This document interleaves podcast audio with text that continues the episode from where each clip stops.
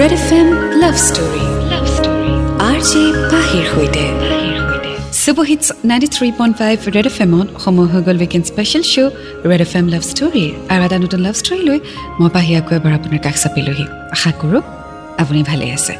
আহক প্ৰেমৰ জাৰ্ণিৰ আৰম্ভ কৰোঁ এটি নতুন ষ্টৰীৰ সৈতে। চিঠিখন পঠিয়াইছে ধৃতিস্মিতা শৰ্মাই। চোৱাহক আজি শুনো ধৃতিস্মিতাৰ ষ্টৰী নমস্কাৰ পাহিবা মোৰ নাম ধৃতিস্মিতা শৰ্মা। মই গুৱাহাটীত থাকোঁ। আশা কৰোঁ তোমাৰ ভাল। পাহিবা মই তোমাৰ ৰেড এফ এম শ্ব'টোৰ ৰেগুলাৰ লিচনাৰ তোমাৰ মাতটো খুবেই মিঠা আৰু যেতিয়া তুমি ষ্টৰিবোৰ পঢ়ি যোৱা তেতিয়া আৰু বেছি ভাল লাগে শুনিবলৈ। পাহিবা তোমাৰ মাতটো যিমান মিঠা তুমি মানুহজনীও সিমানেই ধুনীয়া আৰু মৰম লগা। মই আশা কৰোঁ যেন এনেদৰে সদায় আমি তোমাৰ মাতেৰেই লাভ ষ্টৰিবোৰ শুনিবলৈ পাম। ভগৱানে তোমাৰ মংগল কৰক আৰু তোমাৰ সকলোবোৰ আশা যেন পূৰণ হয়। ভগৱানৰ কৃপা যেন তোমাৰ তাত সদায় থাকে। তোমাৰ দীৰ্ঘায়ু কামনা কৰি মোৰ ষ্টৰিটিৰ আৰম্ভণি কৰোঁ। পাহিবা মোৰ বয়ফ্ৰেণ্ডৰ নাম বিকাশ নাথ। মই তাক পোৱালি বুলি মাতোঁ। পাহিবা তাৰ ঘৰত মতা নাম ৰুণ। তাক মই মোৰ ফ্ৰেণ্ড এজনীৰ জৰিয়তে চিনি পাইছিলোঁ। ৰুণৰ ঘৰ বাক্সাত। এদিন আমি কলেজৰ অডিটৰিয়ামলৈ গৈ চবেই কথা পাতি আছিলোঁ। সেইদিনা মোক জোনালীয়ে মোৰ ফোনটো বিচাৰিলে। ময়ো দি দিলোঁ। তাই কোনোবা এজন ল'ৰালে ফোনটো লগাইছিল।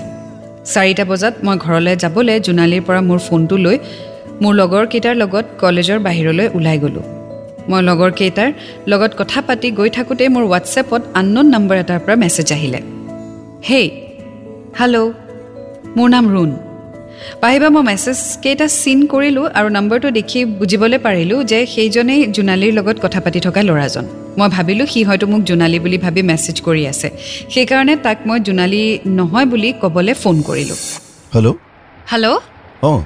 মই জোনালী নহয়। জোনালী ঘৰলৈ গ'ল। এইটো মোৰহে ফোন আপুনি মোক। মেছেজ কৰি থকাৰ কাৰণে মই আপোনাক ফোন কৰি জনালোঁ। আচ্ছা চৰি মই গম নাপাওঁ ন? নাই ইটছ অ'কে অ'কে ঠিক আছে দিয়া। বাই বাই এনেকৈ কৈ মই কল ডিছকানেক্ট কৰিলোঁ। সেইদিনা আবেলি ছটামানত মোৰ ফোনটোত আকৌ এবাৰ মেছেজ আহিলে। সেই আননোন পাৰ্চনজনে মেছেজ দিলে। হেই আচলতে মই তোমাকেই মেছেজ কৰিলোঁ। তুমি যদি বেয়া নোপোৱা আমি কথা পাতিব পাৰিমনে? মই ৰিপ্লাই দিলোঁ চৰি একচুৱেলি মই ভাবি আছিলোঁ তুমি মোক জোনালী বুলি ভাবি মেছেজ কৰিছা। চৰি চৰি তেতিয়া তেখেতে ৰিপ্লাই দিলে একো নাই। হাই মোৰ নাম ৰুণ। ময়ো তেওঁক হাই মোৰ নাম জ্যোতিস্মিতা বুলি ৰিপ্লাই দিলোঁ। আৰু তেনেকৈ আমাৰ কনভাৰ্চেশ্যন ষ্টাৰ্ট হ'ল। চ' আজি আমি শুনি গৈ থাকিম। Jyotismita love story I wanna be yours for ever Red F M বজাতে ৰহ Red F M love story love story R J পাহিৰ সৈতে ৱেলকাম বেক শ্ব' চলি আছে Red F M love story মই আছোঁ আপোনাৰ সৈতে পাহি শুনি আছোঁ জ্যোতিস্মিতাৰ story I wanna be yours for ever আগলৈ তেওঁ লিখিছে পাহিবা লাহে লাহে আমি দুয়ো দুয়োৰে বহুত ক্ল'জ হৈ গ'লোঁ চব কথা শ্বেয়াৰ কৰা হ'লোঁ দিনটোত কোনে কি কৰিলোঁ ক'ত কি হ'ল এইবোৰ চব শ্বেয়াৰ কৰোঁ। কাৰ লগত ক'ত গ'লোঁ চব কথা। আৰু এনেকৈ এদিন আবেলি সি মোক হঠাৎ মেছেজতে প্ৰপ'জ কৰিলে আৰু ময়ো একচেপ্ট কৰিলোঁ। কিন্তু পাহিবা তেতিয়া ময়ো তাক ইমান টাইম দিব পৰা নাছিলোঁ। কাৰণ মই মোৰ ষ্টাডি ফ্ৰেণ্ড ফেমিলি আৰু তাক চবকে ইকুৱেলি টাইম দিব লগা হৈছিল। আৰু ক'ৰবাত নহয় ক'ৰবাত মই তাক সি বিচৰা ধৰণে টাইম দিব পৰা নাছিলোঁ। আৰু সিও তেতিয়া কিছুমান কথা ছিৰিয়াছলি লোৱা নাছিলে আৰু এনেবোৰ বহুত কাৰণৰ বাবে আমাৰ ব্ৰেকআপ হ'ল।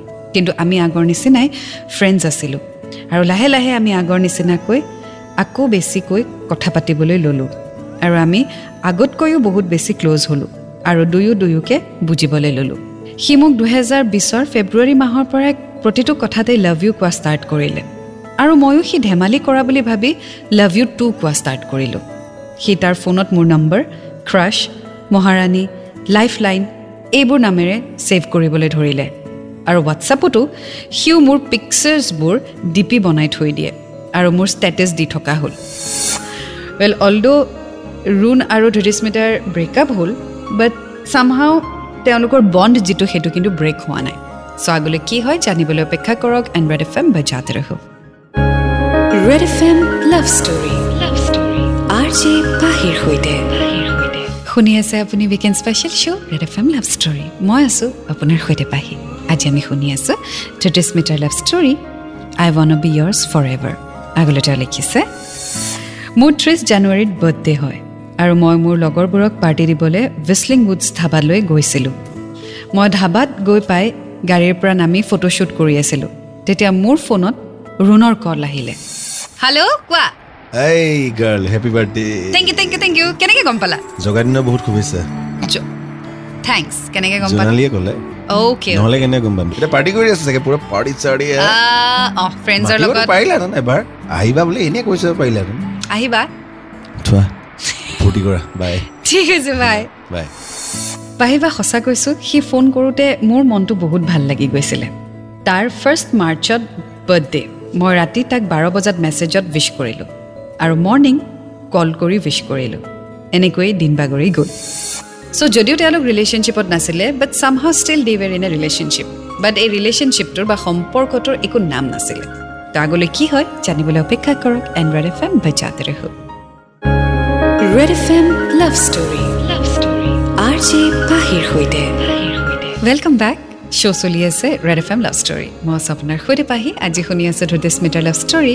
I wanna be yours for ever আগলৈ তেওঁ লিখিছে ফৰ্টিনথ মাৰ্চ টুৱেণ্টি টুৱেণ্টি সেইদিনাখন ৰাতি আমি ফোনত কথা পাতি আছিলোঁ আৰু সি মোক ক'লে I love you I love you too সঁচাকৈ আই লাভ ইউ ময়ো সঁচাকৈ আই লাভ ইউ ধেমালি নহয়। ময়ো ধেমালি নাই কৰা। কিন্তু চিৰিয়াছলি কৈছোঁ মই তোমাক ভাল পাওঁ। ভালটো আগৰ পৰাই পাওঁ বাট কিবা কিবি হৈ গৈছিলে। মই তোমাৰ তুমি নোহোৱাকৈ থাকিব নোৱাৰোঁ। সেইটোৱে কথা। তুমি মোক ভাল পোৱা আৰু তুমি মোৰ লগত ৰিলেশ্যনশ্বিপত আহিব বিচাৰিছা। বিচাৰিছোঁ। আৰু যদি আগৰ নিচিনা কৰা? আগৰ কথাবোৰ কিয় উলিয়াই থাকে? মই প্ৰমিছ কৰিছোঁ তোমাক এনেকুৱা কেতিয়াও নহয়। মই তোমাক সঁচাকৈ ভাল পাওঁ তুমি নহ'লে থাকিব নোৱাৰিম। ৰিয়েলি লাভ ইউ অ'কে মই এইটো নকওঁ যে মই তোমাক বেয়া পাওঁ। কিন্তু যদি তুমি আগৰ নিচিনা নকৰা তেতিয়াহ'লে ময়ো মোৰ ভুলবোৰ ৰিপিট নকৰোঁ। আৰু আমি তেতিয়াহ'লে এটা হেল্ডি ৰিলেশ্যনশ্বিপত সোমাব পাৰোঁ। পাছখিনি পাহৰি যাওঁ আহা নতুনকৈ ষ্টাৰ্ট কৰোঁ প্লিজ চিয়'ৰ একদম। ঠিক আছে কালিৰ পৰা নতুন আৰম্ভণি এনে লগ পাম নেকি? অফক'ৰ্ছ নতুন আৰম্ভণি। ঠিক আছে। অৱশেষত তেওঁলোকে নিজৰ সম্পৰ্কটোৰ এটা নাম দিলে। And they got into a relationship of love so' এটি নতুন জাৰ্ণি এটি নতুন আৰম্ভণি। আগুৱাই গৈ থাকিম। শুনি থাকক আজি story and Red F M বজাতে ৰহো Red F M love story love story R J পাহিৰ সৈতে। ৱেলকাম বেক শ্ব' চলি আছে weekend special Red F M love story মই আছোঁ আপোনাৰ সৈতে পাহি। শুনি আছোঁ আজি ধৃডিস্মিতাৰ love story I wanna be yours for ever আগলৈ তেওঁ লিখিছে পাহিবা আমি তেতিয়ালৈকে দুয়ো দুয়োকে দেখাও নাছিলোঁ আৰু লগো পোৱা নাছিলোঁ। মাত্ৰ ফটোহে দেখিছিলোঁ। এনেকৈ আমাৰ সম্পৰ্কটোৱে এবছৰ সম্পূৰ্ণ কৰিলে। এই এটা বছৰত বহুত প্ৰব্লেম আহিছিলে আমাৰ ৰিলেশ্যনত বহুতে আমাৰ ৰিলেশ্যন ব্ৰেক কৰিবলৈ বিচাৰিছিলে। বহুতে বহু ধৰণৰ এলিগেশ্যনছ লগাইছিলে। কিন্তু আমাৰ দুয়োটাৰে মাজত থকা ট্ৰাষ্ট আৰু আণ্ডাৰষ্টেণ্ডিঙৰ কাৰণে ইমানবোৰ হোৱাৰ পাছতো আমাৰ ৰিলেশ্যনত এইবোৰৰ একো প্ৰভাৱ নপৰিলে। চ' ৰিলেশ্যনশ্বিপত সোমোৱাৰ পিছতে তেওঁলোকৰ আকৌ ট্ৰাবল ষ্টাৰ্ট হ'ল। বাট দেন তেওঁলোকৰ গ্ৰাউণ্ড লেভেলটো বহুত ষ্ট্ৰং আছিলে। Pillar was love and trust আৰু সেইকাৰণে হয়তো তেওঁলোকক একোৱেই কৰিব নোৱাৰিলে। চ' সেইকাৰণে মই কওঁ the base level should be very strong and it should be love respect and trust যদি ট্ৰাষ্ট ভালপোৱা আৰু ৰেচপেক্ট নাথাকে এনিৱে ৰিলেশ্যনশ্বিপটো বেয়াকৈ চলিব। Anybody can come and effect your relationship so' always keep your love respect and trust on your partner Red F M ৰহ Red F M love story love story R J পাহিৰ সৈতে। Welcome back to the show' you turn আছোঁ আপোনাৰ সৈতে Pahi on super hits ninety three point five Red F M শুনি আছোঁ আমি weekend special show' Red F M love story আজি শুনি আছোঁ ড্ৰেডিছ মিটাৰ ষ্টৰী আগলৈ তেওঁ লিখিছে পাহিবা ৰুণ বহুত ভাল ল'ৰা। সি মোৰ কাৰণে তাৰ চব বেয়া অভ্যাসবোৰ এৰিছিলে আৰু নিজকে সলনি কৰিছিলে। সি মোক বহুত ভাল পায়। মই মন মাৰি থাকিলেও সি মোক হহুৱাবলৈ ট্ৰাই কৰে। সি মোক সদায় সুখত ৰাখিবলৈ ট্ৰাই কৰে। মই তাক মোৰ জীৱনত বয়ফ্ৰেণ্ড হিচাপে পাই বহুত হেপ্পী আমাৰ ৰিলেশ্যনৰ এবছৰৰ পিছত আমি প্ৰথমবাৰ বাৰ জানুৱাৰী দুহেজাৰ একৈছত লগ পাইছিলোঁ। মোৰ বহুত বেছি ভয় লাগি আছিলে সেইদিনা। মই মোৰ লগৰজনীৰ লগত তাৰ কাৰণে চকলেট এটা আৰু গিফ্ট এটা লৈ ভৰলুৰ বাছ ষ্টেণ্ডৰ আনটো পাৰত ৰৈ আছিলোঁ। সি আহি পায়ে মোক ফোন কৰিলে। মই কিন্তু তাক আগতেই দেখি চিনিও পাইছিলোঁ। সি মোক দেখা নাছিলে। তাৰপিছত আমি লগ হৈ দীঘলী পুখুৰীলৈ গ'লোঁ আৰু তাত একেলগে অকণমান ঘূৰিলোঁ। পাহিবা আমি দুয়োটাই কথা পাতিবলৈ পৰা নাছিলোঁ। তথাপিও সি কিন্তু কিবা কিবি কৈ মোক হহুৱাই আছিলে। অকণমান টাইম থকাৰ পিছত ঘৰলৈ যাবলৈ হ'ল। পাহিবা মই গৈ থাকোঁতে মোৰ মনটো বহুত বেয়া লাগিছিলে আৰু মই থাকিবলৈ নোৱাৰি তাৰ হাতখন জোৰকৈ টানি ধৰিলোঁ। আৰু সি মোৰ হাতখন ধৰি তাৰ হাৰ্টবিট চেক কৰাইছিলে।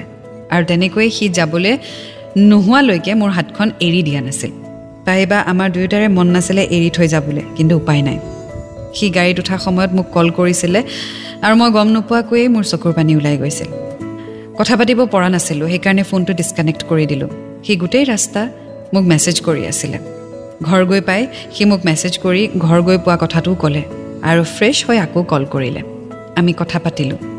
ইয়াৰ পিছত আমি আৰু তিনিবাৰ লগ কৰিলোঁ।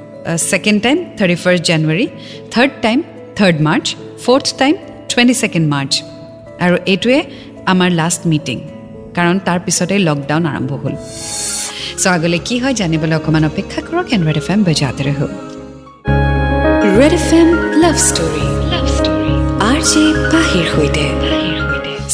Ninety three point five Red F এমত আপোনাৰ সৈতে পাহি। শুনি আছে আপুনি special show' Red F M love story শুনি আছে ৰুদিস্মিতা ষ্টৰী আগলৈ লিখিছে পাহিবা ছেকেণ্ড টাইম লগ কৰোঁতে আমি ৰিং পিন্ধাইছিলোঁ। পাহিবা মোক সি সদায় কয় আমি সদায় একেলগে থাকিম। টেনশ্যন নল'বা। সি যেতিয়া মোৰ কোলাত মূৰটো থৈ শুই যায় মোৰ হাতখনত ধৰি ৰোড ক্ৰছ কৰাই মোক ৰাস্তাত গাড়ী অহা ছাইডত থাকিবলৈ নিদিয়ে আৰু নিজে গাড়ী অহা ছাইডলৈ যায় মোৰ বহুত ভাল লাগে। সি মোৰ বহুত বেছি কেয়াৰ লয় আৰু বহুত বেছি ভাল পায়।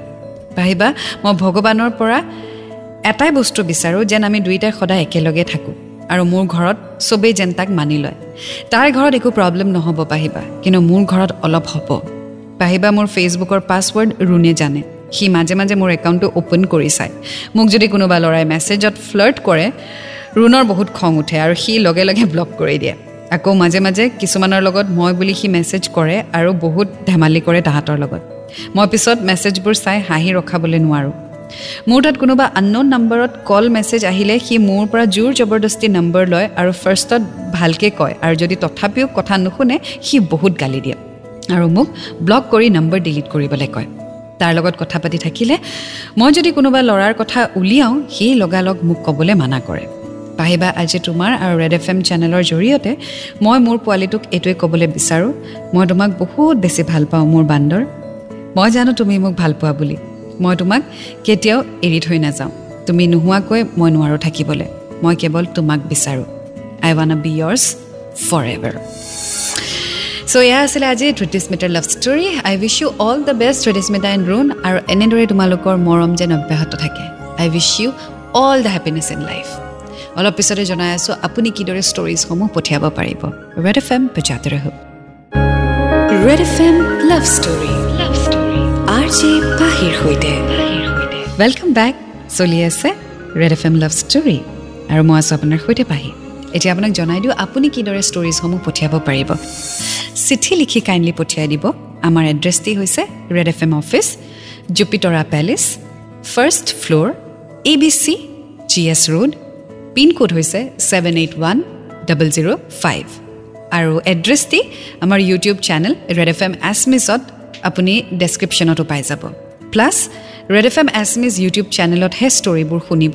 অন্য কোনো চেনেলত ষ্টৰিজ নুশুনিব সেইবোৰ হৈছে কপিৰাইট আৰু নিজৰ ষ্টৰি যেতিয়া শ্বেয়াৰ কৰিব নিজৰ পাৰ্টনাৰৰ নাম আপুনি দিয়ক নিদিয়ক আমি কিন্তু চেঞ্জ কৰিমেই। আৰু তাৰ লগতে আপোনাৰ বয়স ওঠৰ বছৰতকৈ বেছি হ'ব লাগিব। ষ্টৰিত যাতে কোনো ধৰণৰ ভায়লেঞ্চ নাথাকে মানে পুলিচ কেছ হওক বা আপোনাৰ পাৰ্টনাৰৰ অলৰেডি বিয়া হৈ গৈছে আৰু তেওঁ একদম ছেটেলড ইন লাইফ তেনেকুৱা ষ্টৰি আমি এয়াৰ নকৰোঁ। কাৰণ অলৰেডি কাৰোবাৰ যদি ছেটেল হৈ গৈছে লাইফটো তাৰপিছত আকৌ তেওঁলোকৰ জীৱনত প্ৰব্লেম অনাটো আমি নিবিচাৰোঁ। চ' তেনেকুৱা ষ্টৰি আমি আপলোড নকৰোঁ। নেক্সট ছ'চিয়েলি একচেপ্টেবল ষ্টৰি হ'ব লাগিব। সমাজে যাতে একচেপ্ট কৰে তেনেকুৱা ধৰণৰ ষ্টৰি হ'ব লাগিব। আৰু যেতিয়া শ্বেয়াৰ কৰিব চিঠিখন প্লিজ বহলাই দিব। বহলকৈ লিখিব। কিবা যদি মেমৰিজ কিবা যদি ইনচিডেণ্টছ বা কিবা যদি ঘটনা থাকে সেইবোৰ আমাক জনাই দিব। চ' চিঠিসমূহ লিখি থাকক। Do fall in love It's a great feeling. You will get to learn a lot. And always remember, I love you.